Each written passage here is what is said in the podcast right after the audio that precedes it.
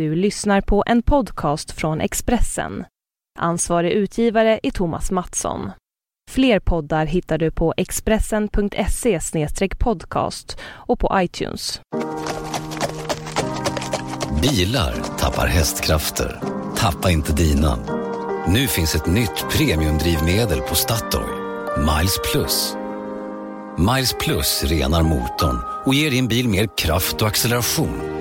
Läs mer på Statoil.se.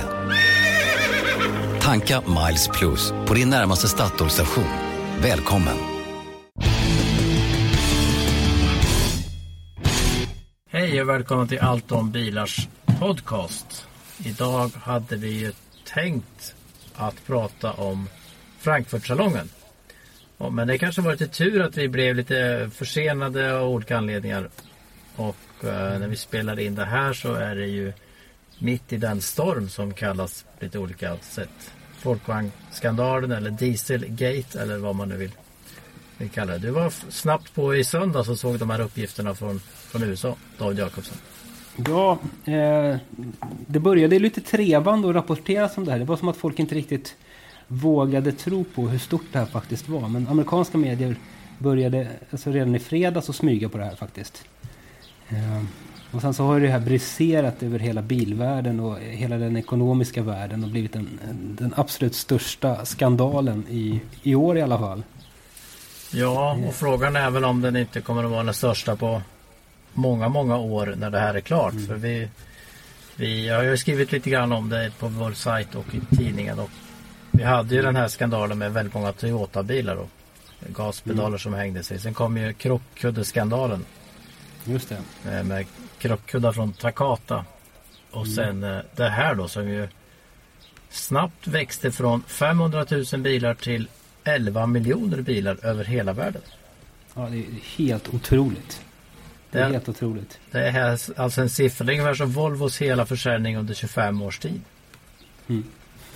Någon sa att bara, bara det minskade börsvärdet på, på Volkswagen de senaste, på två dagar motsvarade hela värdet på Ericsson. Ja. ja. Men vi kan väl ta från början. Vad- Vi kan berätta vad, vad, vad det handlar som, om för det första. Ja, vad är det som har hänt? Eh, alltså det som har hänt är ju att eh, Volkswagen har, eh, en, har tydligen manipulerat utsläppstester i USA. Eh, och de har gjort det på ett lite, lite så här halvlurigt sätt vad det verkar. De, det sägs att de har konstruerat en liten programvara som hoppar upp och sätter in bilmotorn i något slags miljöläge. Eh, I samband med de här testerna. Och när testet är avslutat så går motorn eh, som den ska igen. Om man ska försöka förklara så kort som möjligt. Ja, jag, jag förstår att det var så att, eh, att den kände av när bilen så att säga, kördes i testcykeln fast utan rattrörelse. Just det. Och då, då skulle den då ha manipulerat de värden som kom ut från bilen. Mm. Alltså man, man bara fibblade till resultatet så att säga. Eh, så det var, inte, det var inte så avancerat på ett sätt. Men på ett annat sätt så var det väldigt raffinerat. Och det vi ska, det vi ska säga då om eh, utsläppskontroller. Det, det här är egentligen när det gäller dieselmotorer två delar. Det är dels koldioxid. Som ju fastställer olika gränsvärden och skatter och straffavgifter hit och dit. Men även de här NOx-gaserna som innehåller cancerogena partiklar. Och då finns det då olika regler i olika länder för hur det här beskattas och eh, ja, mäts. Så. Men det började, det. började i USA. Men eh, ja, för att ta det vidare då. Så eh, det var en liten forskningsgrupp som började bara kolla det här. För de tyckte det var för stor skillnad på verklig förbrukning och uppgedd förbrukning.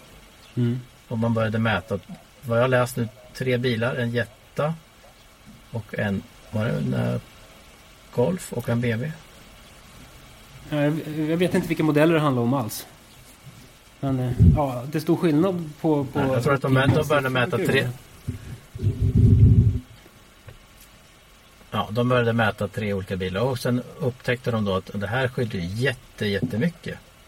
Mm. Framförallt de här NOx-gaserna. De var uppåt 40 gånger mer i, i eh, verklig körning jämfört med när den bilen stod stilla och testades i en körcykel. Man simulerar att man kör runt på en väg. Um, Mm. Ja, och, och eh, det här skulle då ha blivit känt som jag förstod redan förra året. Och då gick man ut och sa att det här var ju, det här var ju skumt. Liksom. Men man berättade då inte vilka bilar det var frågan om. Och då ska Folkvagn ha hört av sig till den här forskningsgruppen.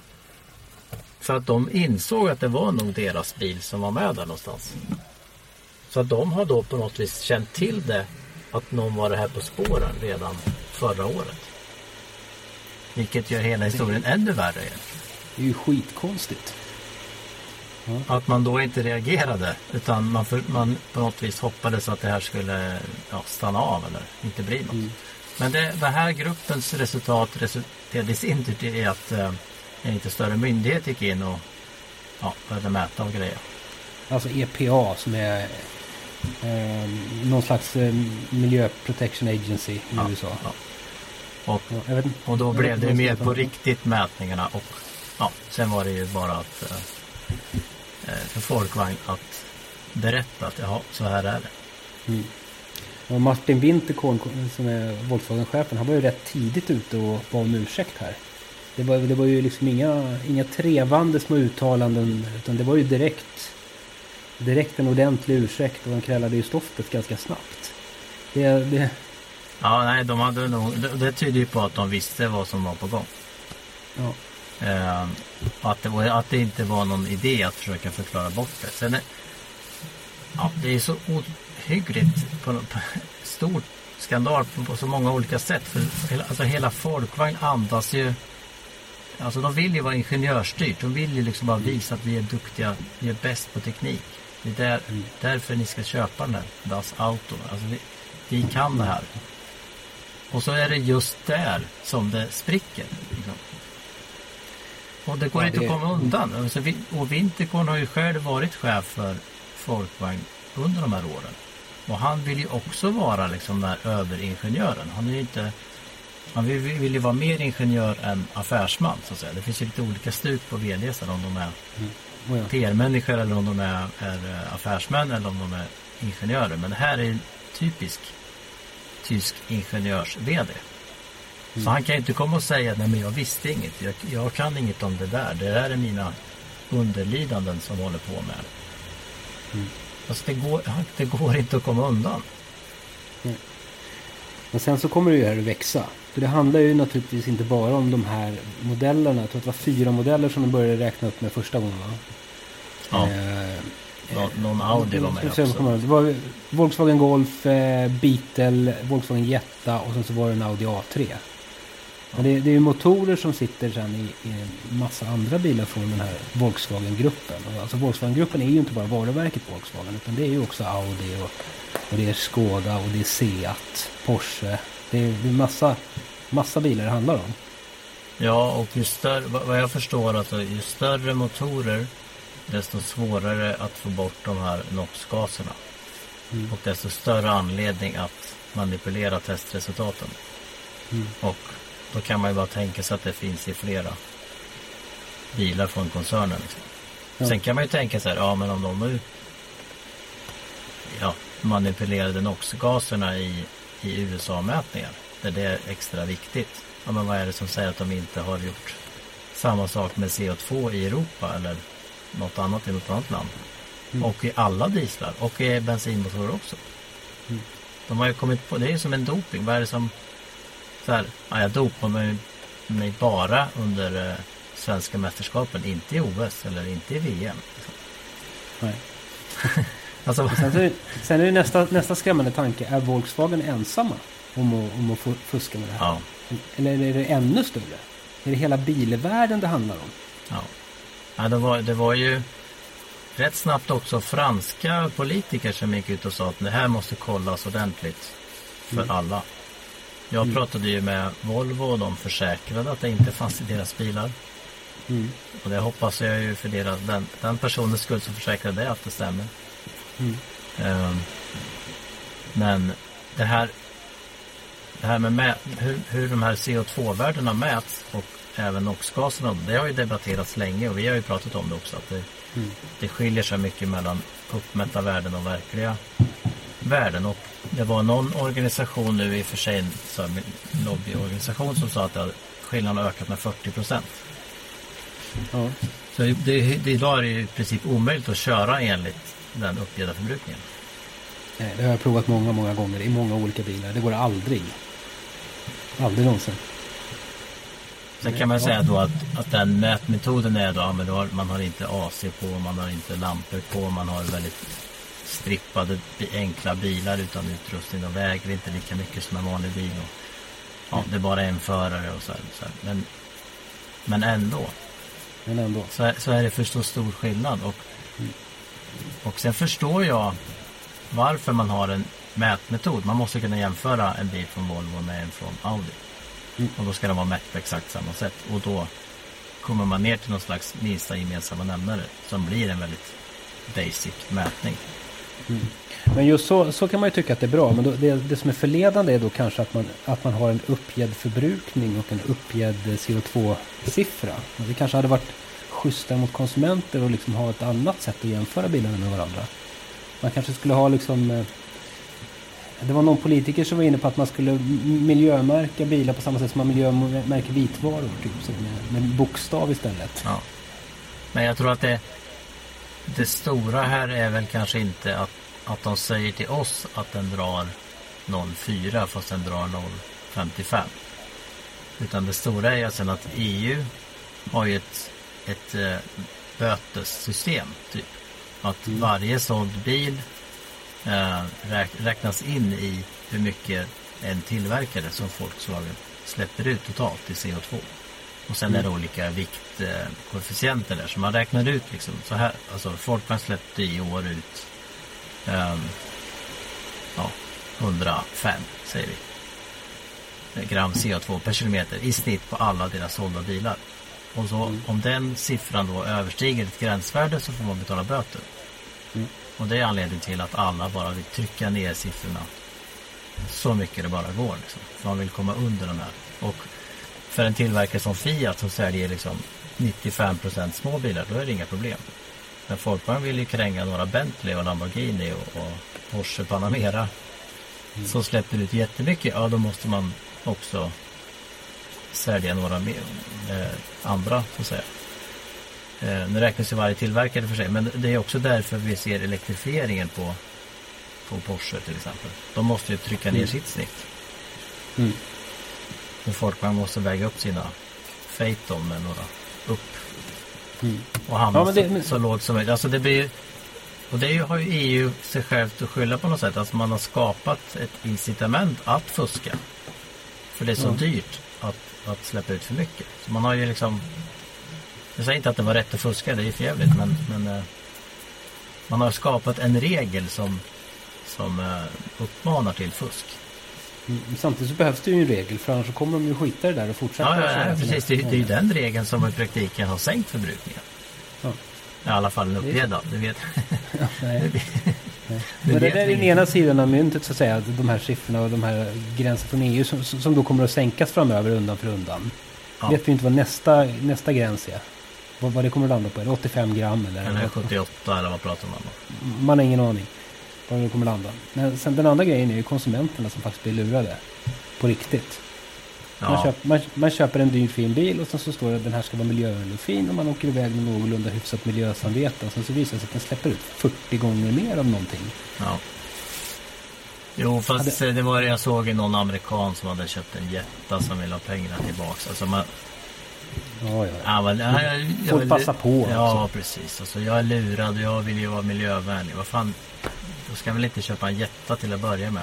Kör elbil då. Eller alltså, Ja, fast i USA är Jetta en, en miljöbil. Om, du, om, om alternativet är en Ford F150, Ja, du vet. det. Ja. Så, Men det är ju många, det är många som passar på. Men ja, fatta vilket liv det kommer att vara nu. Alla, och så alla återförsäljare och människor som ska byta tillbaka sin bil. Och, Mm. Och ja, återförsäljare är arga på folk. Svaga, för de, får ju stå där i dörrarna och, och liksom ta emot Mm. de arga kunderna. Det gör ju inte Mm. importören direkt. Eller tillverkaren. nej. Ja, Ja, Vin- Vinterkorn står inte där i dörren. va? Han har försökt med lite snyftvideo men vi spelar in det här då vankas det ju ett uh, styrelsemöte. Mm. Det ryktas ju att, uh, att han får gå. Det förekom uppgifter redan igår om att han hade gått. Igår var det alltså tisdag den 22. Men det tillbakavisades ju sen. Ja, jag tror att... Ja, mycket snack i de här lägena. Jag tror att det, blir, det är svårt för, för styrelsen där att, att hitta en, uh, en ersättare som inte kan lastas för den här grejen. Alltså, vem, det pratas ju om uh, Thomas, eller Mattias Müller, Porsche-chefen. Mm. Mm. Uh, men vad är det som säger att inte Porsche kommer att dras in i det här? Vad är det som säger att han inte visste om det? Nej. Och var ska man då hitta en VD som, som inte liksom belastas av det här? De har ju nyss haft en stor ledarkris med Winterkorn mot den här Peach-historien där Winterkorn gick segrande ur striden. Det, jag, kan inte, jag kan inte undgå så här, min konspiratoriska sida eh, går igång här och tycker att ah, men det kanske var så att Peach hade lite finger med i det här liksom. Han är beredd att sänka hela företaget för att bli av med Winterkorn. ja. Han kliver in som en räddande farbror här. Bara Jag tar över igen. Det kloka är ju att rekrytera en, en ny VD någon annanstans ifrån. Ja. Kan man ju tänka sig. ja, man får göra som GM och Ford och, och Chrysler gjorde under bilkristiden. Framförallt GM var det väl som, som tog in en helt annan Rick Wagoner hade sagt så mycket fel saker så det gick inte att rädda honom kvar. Man var tvungen att liksom avskärma Ja. sig från den tiden. Det ska bli spännande att se vad som händer. Ja, det blir styrelsemöte först och får se om han får gå. Tror, ja, han kan ju inte vara kvar. Det finns ju inte på kartan. Nej, det går inte. De, må- de måste ju liksom dra ett streck och börja på nytt. Och, alltså, avskärma sig så mycket som går från, dem, från det här. Och, och igen, det blir ju väldigt, väldigt svårt när det är ett företag som bara andas ingenjörskonst. Alltså, de kan ju inte bara, de kan, de kan inte bli de kan ju inte bli Fiat över en natt. Liksom. Nej, det är svårt.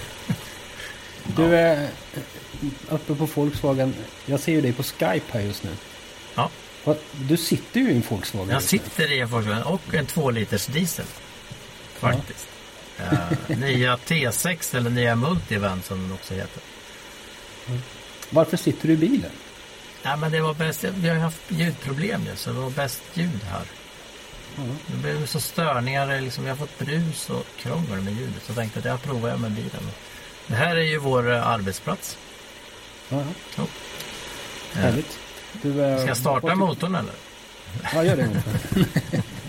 du, vad, vad, vad, vad tycker du om den där bilen då? Den ser fin Ja, ut.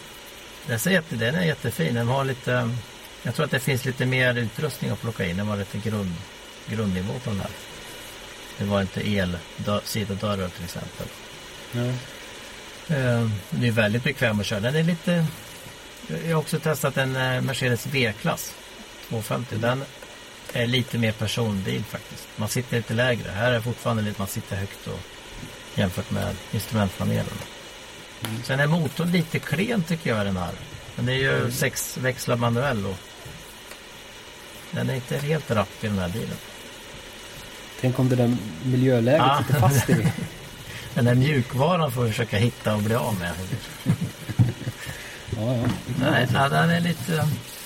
Ja, jag hade gärna sett att den reagerade lite bättre. Ja.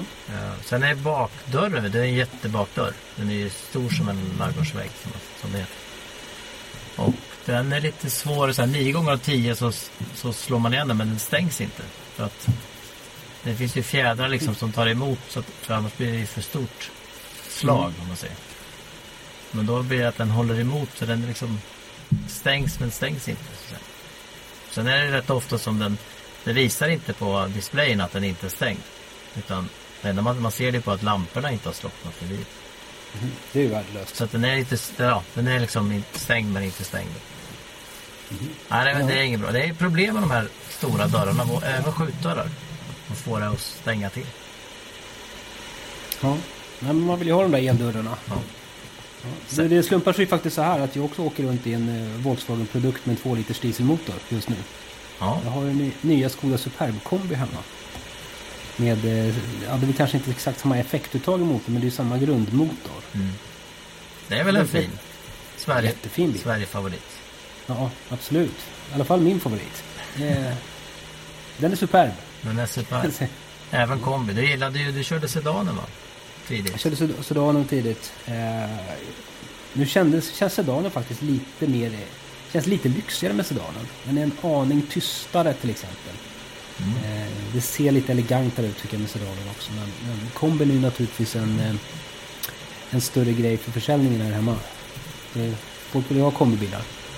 Det är ett stort ordentligt skåp där bak och ja, den ser, ser fortfarande rätt bra ut. Hur mycket, hur mycket drar den i verkligheten? Jag har inte hunnit, alltså jag har hunnit köra bilen från Södertälje. Eh, så det är väl, vad är det, fyra och en halv mil. Eh, så lite för lite att Ja. mäta på. Fick du automat? Automat, Ja. sexväxlad DSG. Eh, som än så länge håller ihop. Eh, men nej, jättefin bil. Den går eh, Södertäljevägen ut. Vägen mellan Södertälje och Stockholm är en fantastisk väg. att testa hur bullrig en bil är tycker jag. Eh, den där vägen kör jag gärna med bilar bara för att höra hur mycket bullrar de. Hur mycket går upp genom däcken in i karossen. Eh, och vissa bilar som, som man tror ska vara tysta bullrar jättemycket där. Men det gör inte Skoda Superb. Den gick tyst och fint och mjukt hela vägen. Det kän- Det känns som att sitta i en riktigt dyr bil faktiskt.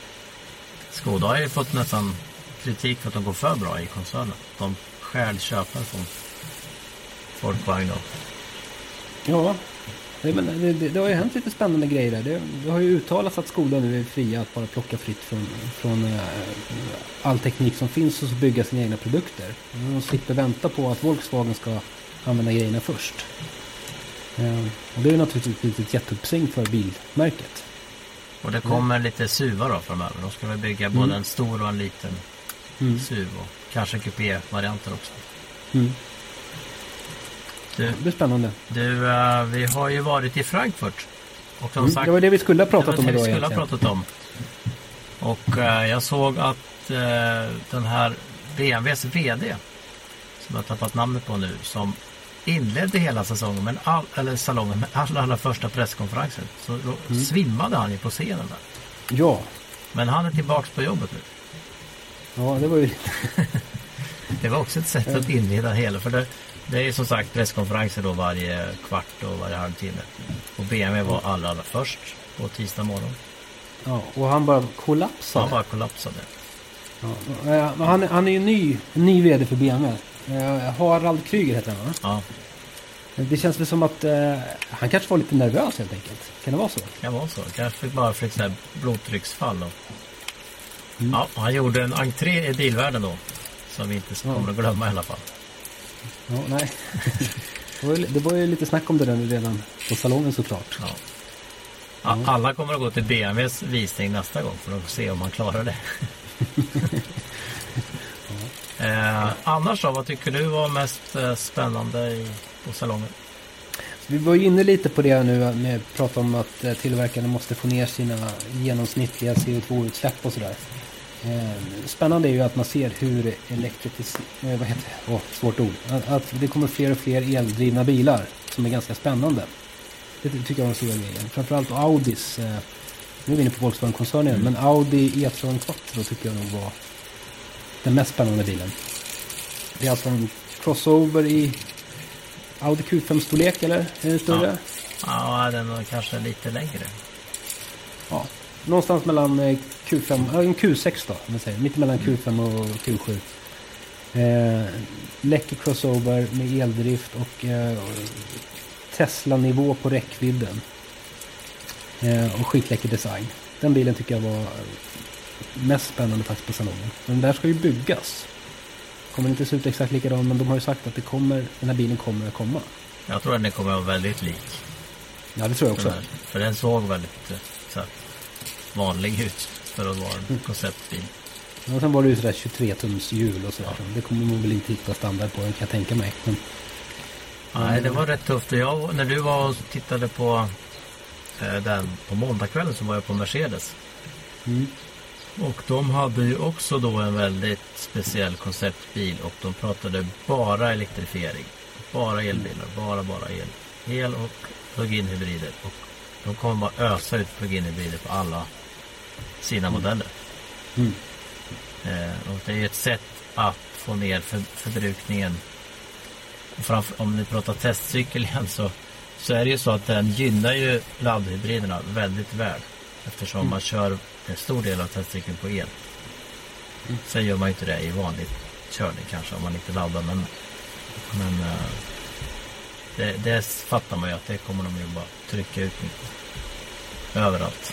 Ja, visst är det så. Ja, vi är där nu. Det var ju inte länge sedan eh, som, det var något lite speciellt med en hybridbil. Så det, var, det var i princip Toyota Prius som man, Ja. som man såg ute på stan. Ja. Men nu är, finns det ju väldigt, väldigt många modeller som hybrider. Och snart är, ju det, är det förmodligen det vanliga att bilen är hybrid. Ja. Ja, precis. Spännande. Vi fick ju se vår långtestbil i rallykläder. Mm. Outlander PHEV. Ja, Pew. Ja. ja. det, det var tuff. Det var lite, det var lite tufft ja. Men uh, bland de vanliga då? Vi såg ju Audi A4, vi såg... eh, jag gillar ju Opel Astra. Ja, men det gör jag också. Men den har vi ju sett Ja, tidigare. ja. Så att den kändes inte som en stor upplevelse för oss i Frankfurt. Men det är, det är en fin bil. Um, Audi A4 tycker jag också var ganska kul att titta på. För att när jag sett bilderna på den innan så har jag väl kanske känt att vänta nu, de, har de gjort om den där bilen verkligen? Den såg ut precis som den gamla. Har, har jag tänkt.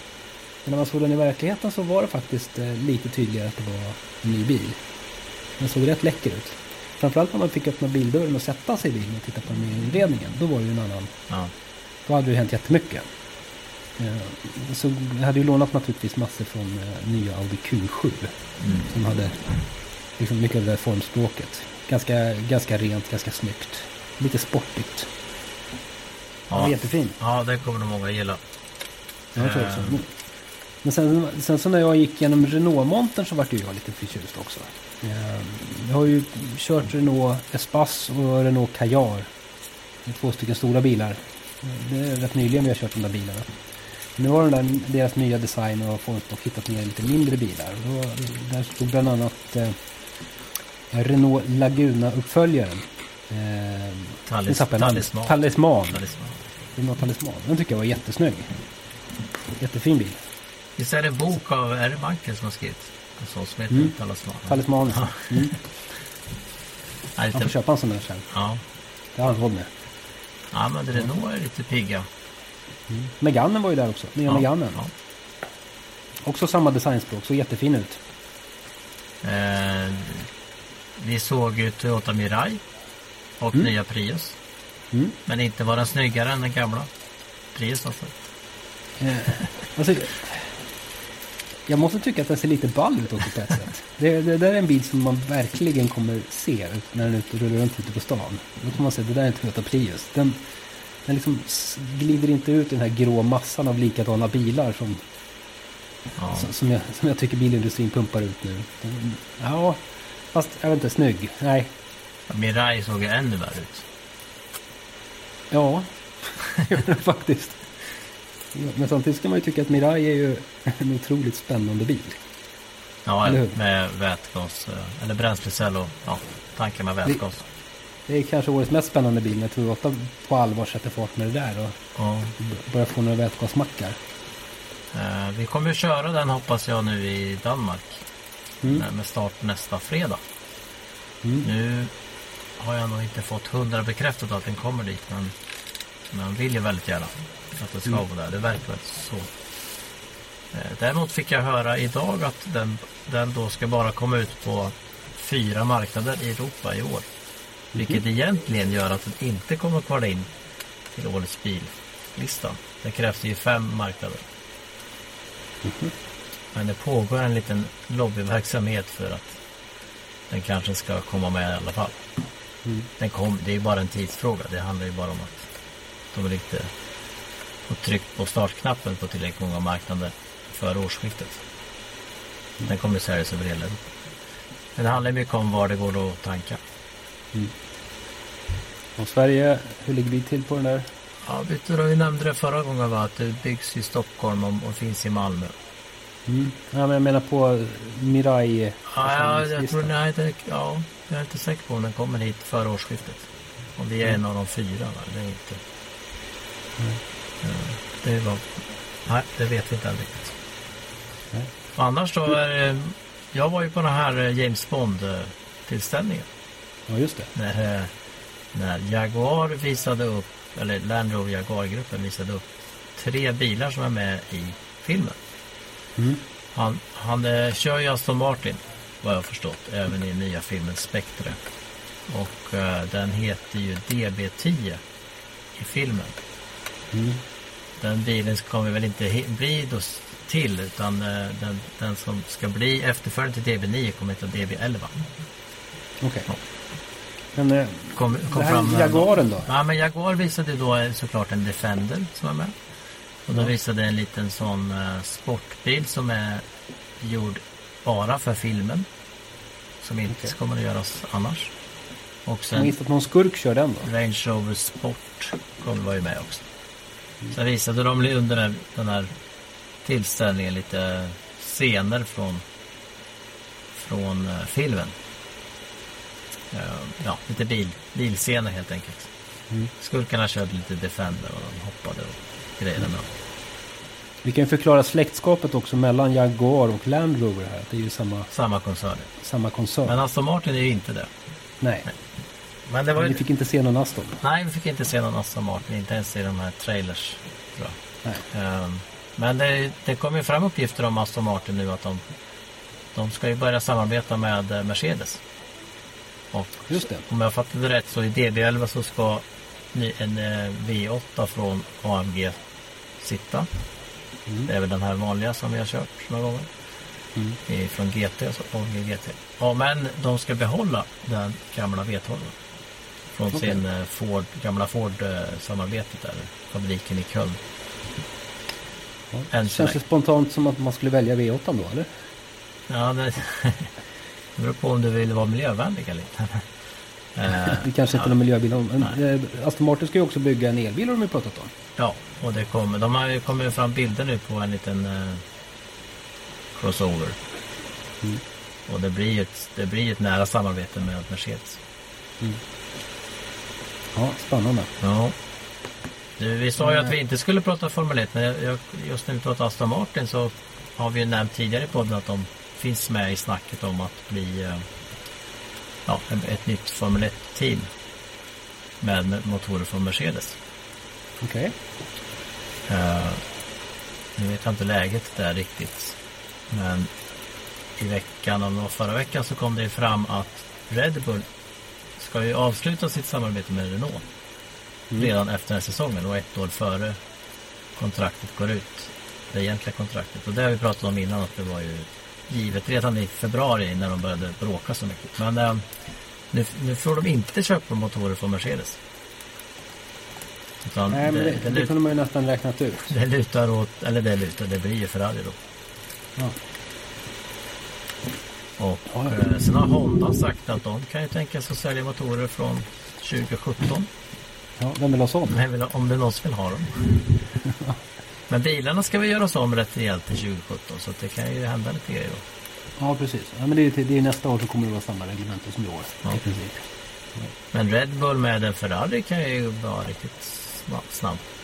Ja. De var ju faktiskt snabba förra helgen här. Ja. Red Bull-bilarna. Det har ju också dykt upp, det har vi pratat om också tidigare, det ryktet att eh, Folkvagn ska förse Red Bull med, med motorer. Att Folkvagn skulle vinna köpa Red Bull-teamet och Red Bull skulle bli en, en eh, sponsor.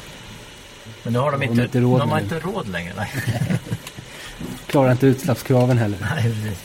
Det var före den här eh, lilla mjukvaran som ställde till det. och Sög ut några miljarder där. Oj, oj, oj. Ja. Jag såg att Angela Merkel var igång också. Jag hamnade på den här historien, men det bara växer ju. Det, hon krävde liksom alla korten på bordet. Och Mm. Hon har ju gullat väldigt mycket med folkvagn och bilindustrin tidigare. Hon gick ut och tyckte att de skulle anställa alla flyktingar också. Eller- Att Volkswagen skulle? Ja, bilindustrin var ju en stor arbetsgivare så att, eh, ta ett ansvar nu och anställ. Vi tar emot dem och så tar, anställer ni dem. Ja. Ja, de kanske behövs nu. ja. Det är rätt många som får sparken. Det är många lediga jobb. kan man ju tänka sig. På tal om det så har ju inte... Man undrar ju då vad Folkvagn Sverige säger. Men de har inte sagt något alls. Vi har jagat dem lite men de hänvisar till eh, den officiella versionen och pressmeddelandet som finns på Folkvagns hemsida. Ja, Så. jag pratade också med dem i måndags och det var, det var ju det beskedet. Vi kan ju naturligtvis inte säga något annat än vad Martin Winterkorn Nej, har meddelat. det är nog väldigt mycket rättning i ledet där nu. Ja, Säg, ingen säger något. Man är ju rätt glad att man inte jobbar där just nu känner jag. Men eh, om man äger en folkvagn och undrar så, så kan man gå in på deras hemsida och läsa det här uttalandet. Mm. Och undrar man över bilen så kan vi ju säga så att det är ingen fara att köra bilen. Ingenting Nej. kommer att hända med bilen. Den kommer inte gå sönder och det kommer inte vara eh, mindre säker att köra. Den, ja, det handlar inte alls om det. Nej. Vilket vissa har sagt att det, det har ju vissa hävdat som en slags förmildrande omständighet. Ja men bilarna är ju säkra och så. Ja det är klart. Det har ju inget med, med det här överhuvudtaget att göra.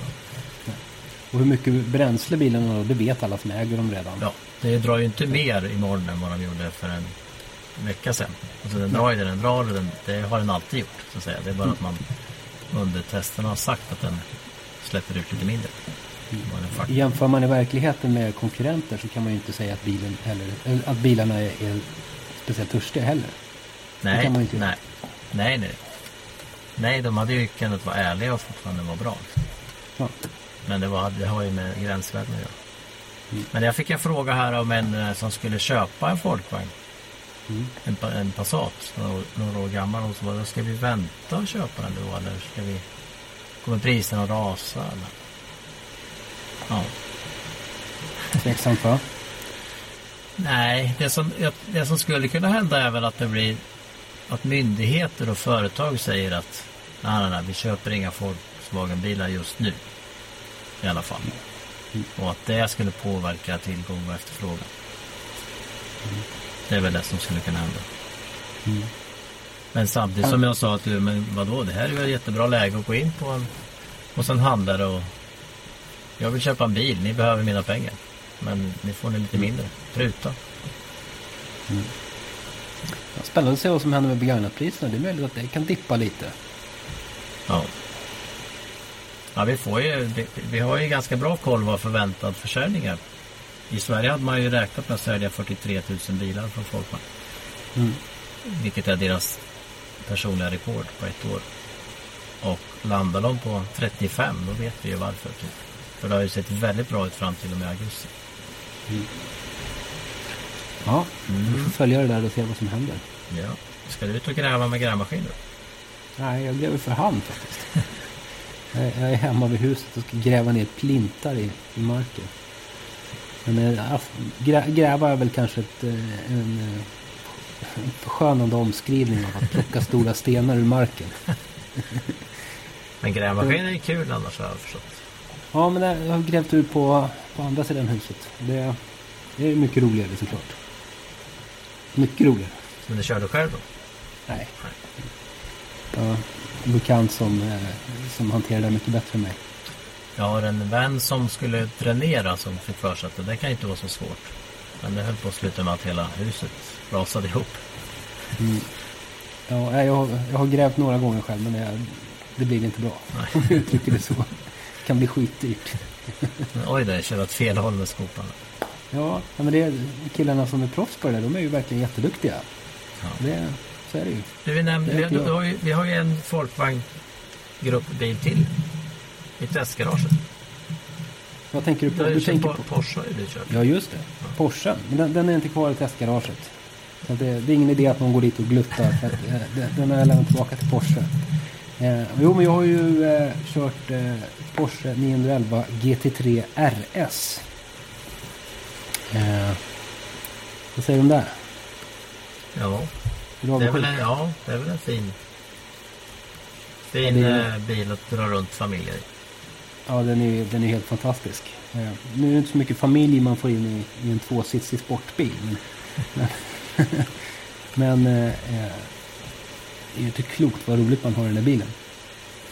Ja. Det är, de, alltså, GT3 RS är ju en 911 som eh, Eh, som är ganska nära racerbilarna. De här bilarna som man har och kör i Carrera Cup med och sådär. Eh, det är en jättestor ställbar vinge på bakluckan. Den är låg och stenhård och har skitbreda däck. 21 tums fälgar. Och en sugmotor på 500 hästar. Eh, bakhjulsdrift. Eh, en frontsplitter som ligger bara några, några centimeter över asfalten. Eh, Och automat va? ja. DSG-lådan, eller PDK som Porsche kallar, det, kallar den. Men den är rätt snabb den där. Lådan Ja. ja. grym. Den slår i växlarna. Man känner i ryggen, om du har lådan i, i, i sportläge så, så känner man hur växlarna slår bak i ryggstödet på, på bilen. Och sen så är det massa, massa isolering som inte finns i den här bilen som finns i min Velva Carrera och sådär. Eh, Så det rasslar och lever rövare bak i växellådan som sitter bakom svansmotorn. Det är skittufft. Det känns nästan som att sitta i en racerbil. Och så har man en ordentlig eh, kraschbur inne i bilen också. Så det ser, ser riktigt så här racerbilsaktigt ut. Men går det ens att köra den? Alltså om, ska, om man nu ska köpa sån här och inte köra på banan. Mm. Funkar det? Nej, de har köpt fel bil. Ja. Eh, Så är det. För att det är stötigt och bullrigt och obekvämt att åka den här. Eh, Den här bilen hade såna här riktiga skalstolar i kolfiber som inte går att ställa. Eh, Ja, just det. Finns sexpunktsbälten i bilen som man kan använda. Och det, de där är i vägen när man ska använda det vanliga säkerhetsbältet. Eh, behagligt är det verkligen inte. Om man, eh, om man inte tänker sig för så skrapar man i eh, fronten överallt när man är ute och åker den här bilen. Det finns i och för sig en liten knapp som man kan trycka på. Då höjer den upp framvagnen lite så att man kommer över i alla fall en låga smågupp kommer man över sådär. Eh, men det är en sällsynt opraktisk bil. Vad var priset? Ja, den är rätt billig faktiskt. En, en miljon 760 börjar den på. Eh, men det är, det är en hysteriskt rolig bil. Greppet är makalöst. Man är ute och leker på kurviga vägar eller på racerbanor och sådär. Så det är fantastiskt roligt att köra bilen. Eh, den väcker väldigt mycket uppmärksamhet kan jag säga också. Är, det, är det vingen som gör det? eller? Den här Bred, orange. breda, breda. Den är, den är bred, den, har, eh, den ligger nästan på asfalten, den har jättestor vinge, skrikande orange färg. Så där. Det är, folk står runt bilen och fotar den. Mm. Jag ställer den utanför parkeringsfickan vid jobbet. Du vet, när, Ja. det finns en avlastningszon där. Du kunde, inte, du kunde inte köra ner i garaget i alla fall. Jo, jag lyckades. Ja, Jag fick hö- höja upp fronten och så, så smyga försiktigt, försiktigt ner med bilen så fick jag ner i garaget. Ja, Men för Porsche det- är ju ganska anonyma i vanliga fall. Det känns som Ja. att folk är vana vid en Porsche och Ferrari ser dem så här, oh ja, det var den här stegrande hästen så. Mm. Har de lite koll på det. Och, Ja, nej, men den här bilen, det har stått folk, alltså bokstavligt talat varje gång jag har parkerat bilen någonstans så står det folk och tittar och många fotograferar. Och sådär. Det, jag vet Ja. inte, det, kan, det, skulle jag i och för sig kanske tycka var lite påfrestande om folk stod och plåtade min bil hela dagarna. Men, men eh, ja, den uppmärksamheten väcker den.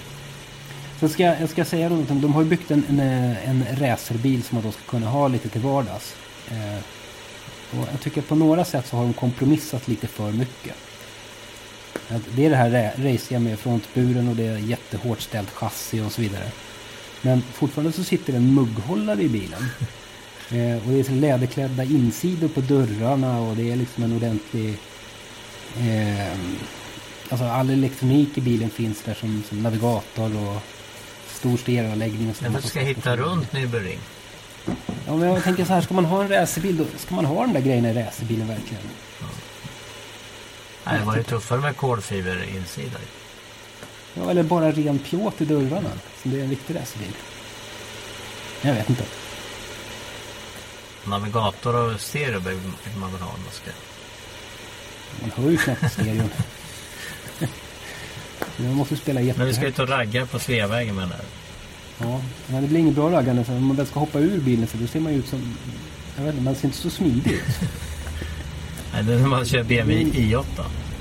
Ja, men det är ungefär samma i den här. Man får krypa ut. I8 har ett jätte, en jättehög tröskel. Ja.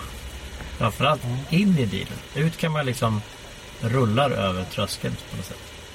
Men in så får man luta sig bak som man säger SM i limbo för att komma in under dörren. Ja. det är ganska roligt.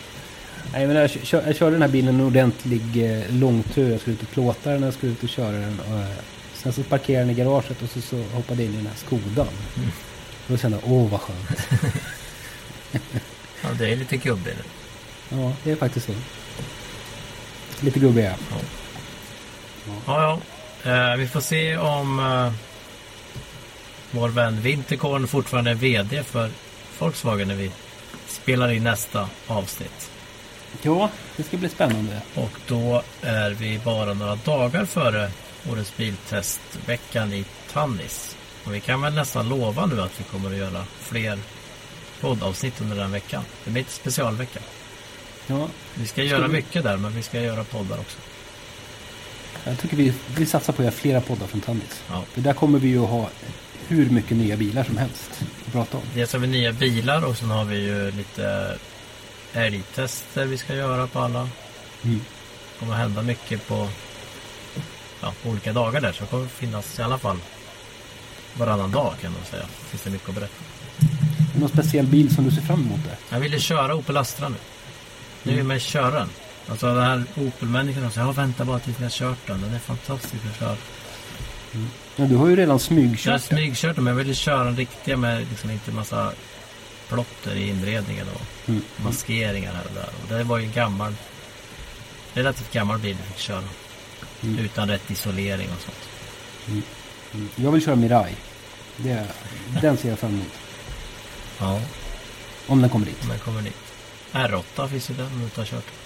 Mm, nej, den är inte Ford Mustang. Mer sugen på Mirai. Ja, nej men det är ju... Jag ska inte, ska inte göra någon spoiler här, men det, det är ju som att köra elbil. Men eh, det är ju, det är ju bra. Mm. Ja, det är roligt att köra elbil. Ja. Eh, Te- Ja. Tesla har vi inte nämnt i det här programmet, men de kommer nog inte med sin Model X. Till Det är Tandis. tråkigt. Ja. Eh, De hade ju en monter i Frankfurt. Men det var inget nytt där heller. De kanske inte vill låta oss köra några bilar efter vår förrförra podd. Nej. Jag Nej. vet inte. Nej, så är Det det. är bra. Ja, bra. Nu ska jag ut och plocka sten igen. Gör det. Vi hörs. Vi hörs. Hej, hej. Hej. Bilar tappar hästkrafter. Tappa inte dina. Nu finns ett nytt premiumdrivmedel på Statoil. Miles Plus. Miles Plus renar motorn och ger din bil mer kraft och acceleration. Läs mer på Statoil.se. Tanka Miles Plus på din närmaste Statoil-station. Välkommen!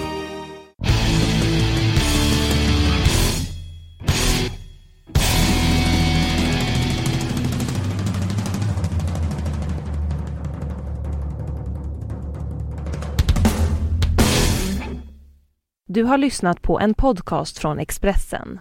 Ansvarig utgivare är Thomas Mattsson. Fler poddar hittar du på expressen.se podcast och på iTunes. Ett poddtips från Podplay. I fallen jag aldrig glömmer djupdyker Hasse Aro i arbetet bakom några av Sveriges mest uppseendeväckande brottsutredningar. Går vi in med hemlig telefonavlyssning och, och då upplever vi att vi får en total förändring av hans beteende. Vad är det som händer nu? Vem är det som läcker? Och så säger han att jag är kriminell, jag har varit kriminell i hela mitt liv men att mörda ett barn, där går min gräns. Nya säsongen av Fallen jag aldrig glömmer på Podplay.